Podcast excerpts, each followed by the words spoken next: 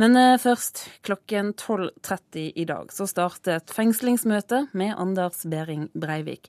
NRK sendte direkte fra Oslo tingrett. Eh, vår reporter Daniel Wærnes eh, oppsummerer kort det som skjedde rett før retten ble satt.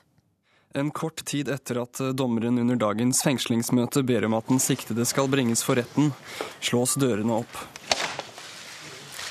Med ett står gjerningsmannen som 22.07 angrep regjeringskvartalet og Utøya der, i levende live.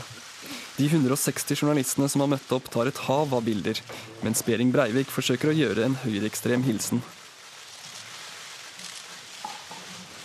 Med et smil om munnen setter Behring Breivik seg ved siden av sine forsvarsadvokater.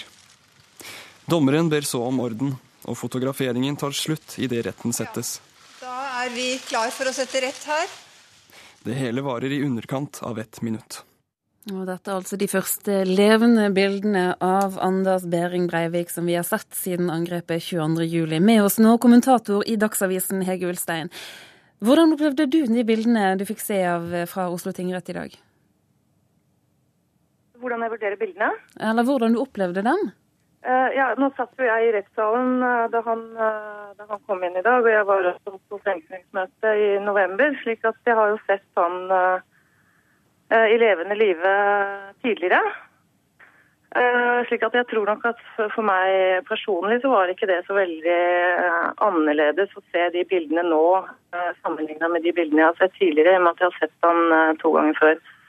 Men jeg tror at mange som ikke har vært til stede tidligere på fengslingsmøter. Og, øh, og dem som øh, også var der i dag, har, eh, får et annet inntrykk av han. Ikke bare fordi de ser disse levende bildene, men også, eller også fordi at de da ser hvordan han beveger seg. og at, at, det blir selvfølgelig en helt annen opplevelse for dem enn, enn å se stillbilder. Jeg kan også gi ordet til vår kulturkommentator her i NRK, Agnes Moxnes, som ikke var i Oslo tingrett i dag. Hvordan synes du det var å se gjerningsmannen? Ja, det var jo veldig Det var rett og slett veldig sterkt. Jeg tenkte da jeg så han komme inn gjennom den døren, så tenker jeg at dette er en person som er der hvor han ønsker å være. At han er i en posisjon som jeg tenker han føler han har kontroll på. Og det er jo mange som mener at retten og pressen nå gir ham en talestol.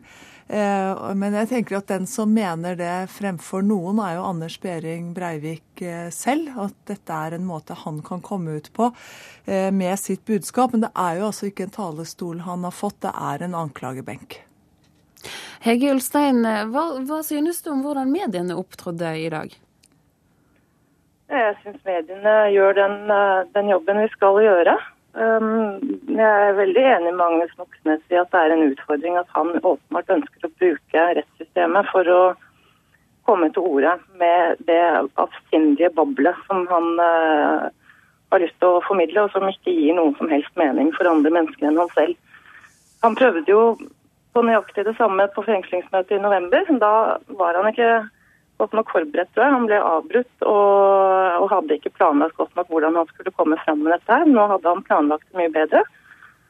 Og hvis du ser ting eh, under ett, så ser du at han, eh, han, gjør denne hilsen når han kommer inn. Han passer på å få sagt det han skal si i forbindelse med at han blir spurt om skyldspørsmålet. Det har han rett til i et fengslingsmøte.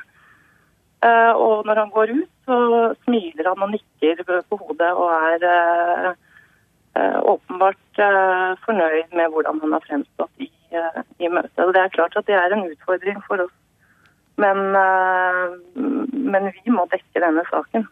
Vi skal komme tilbake til det. vel først at vi skal høre hva forsvareren til Anders Behring Breivik sa i dag. Geir Lippestad synes jo også at det er riktig å la han få lov til å uttale seg om bl.a. straffskyld. Vi skal høre litt hva han sa til NRK litt tidligere.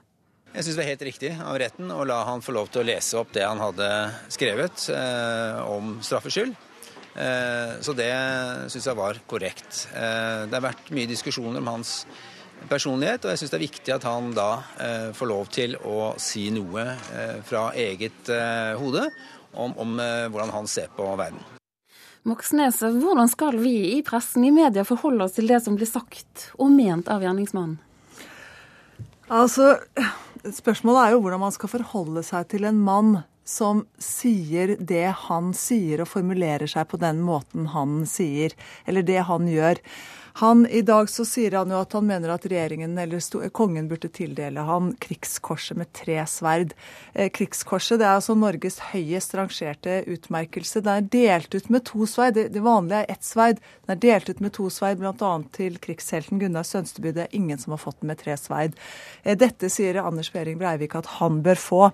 Eh, så det er jo ikke så rart at både overlevende og pårørende, også pressefolk, da de kom ut av, av, av fengslingsmøtet i dag, sier det samme som Aftenpostens rettskommentator Inge D. Hansen, at dette her er virkelighetsfjernt tøv. Men det er jo, Og det er en veldig naturlig reaksjon, men jeg tenker at det må være den store store utfordringen for pressen fremover nå til rettssaken. Det er hvordan skal man takle dette virkelighetsfjerne tøvet. Eh, for det sitter faktisk folk rundt omkring og tar det han sier på blodig alvor. De fortolker alt det Anders Behring Breivik sier, og de kommer ikke til å konkludere, med at dette er virkelighetsfjernt tøv. Så jeg tenker at dette er kanskje en av de største utfordringene pressen har. Hva synes du om det, Ulstein? En av de største utfordringene pressen har? Jeg er ikke helt enig i det. For det første så tror jeg at det er ytterst få som mener at norsk etnisk gruppe er uh, truet som urfolk, og at uh, menneskerettighetene derfor gir, uh, gir, oss rett til å gå til militære og væpnede aksjoner mot forsvarsløse ungdommer. Jeg tror ikke det er veldig mange i Norge som syns det. Jeg tror Anders Behring Breivik er veldig alene om det, heldigvis, og naturlig nok.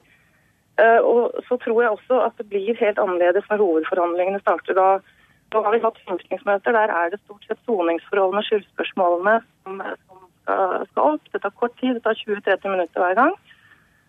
Vi står foran en maratonrettssak uh, hvor han kommer til å komme mye mer til orde, og hvor, hvor det blir en detaljert gjennomgang av grusomme og forferdelige handlinger med mange mindreårige involvert. Jeg tror nok at det kommer til å sette pressen på en mye hardere prøve når det gjelder hvilke hensyn vi skal ta, og vi må balansere mellom ved å, å, å, holde offentligheten opplyst om det som har offentlig interesse, og det å ta hensyn til pårørende og ofre. Så jeg tror nok at det blir mer krevende enn, en disse to ganske korte fengslingsmøtene vi har hatt nå. Men det vi også så i, i, retten i dag, det var jo at det var en svært myndig dommer som uh, satt der. Og jeg tenker at det gjør jo også jobben til pressen litt enklere, at det er en dommer som har en såpass kraftig kontroll som det hun tydeligvis har. Vi får uh, sette strek der. Takk for at dere var med oss her i Kulturnytt. Hege Ulstein som er kommentator i Dagsavisen, vår egen kulturkommentator her i NRK, Agnes uh, Moxnes.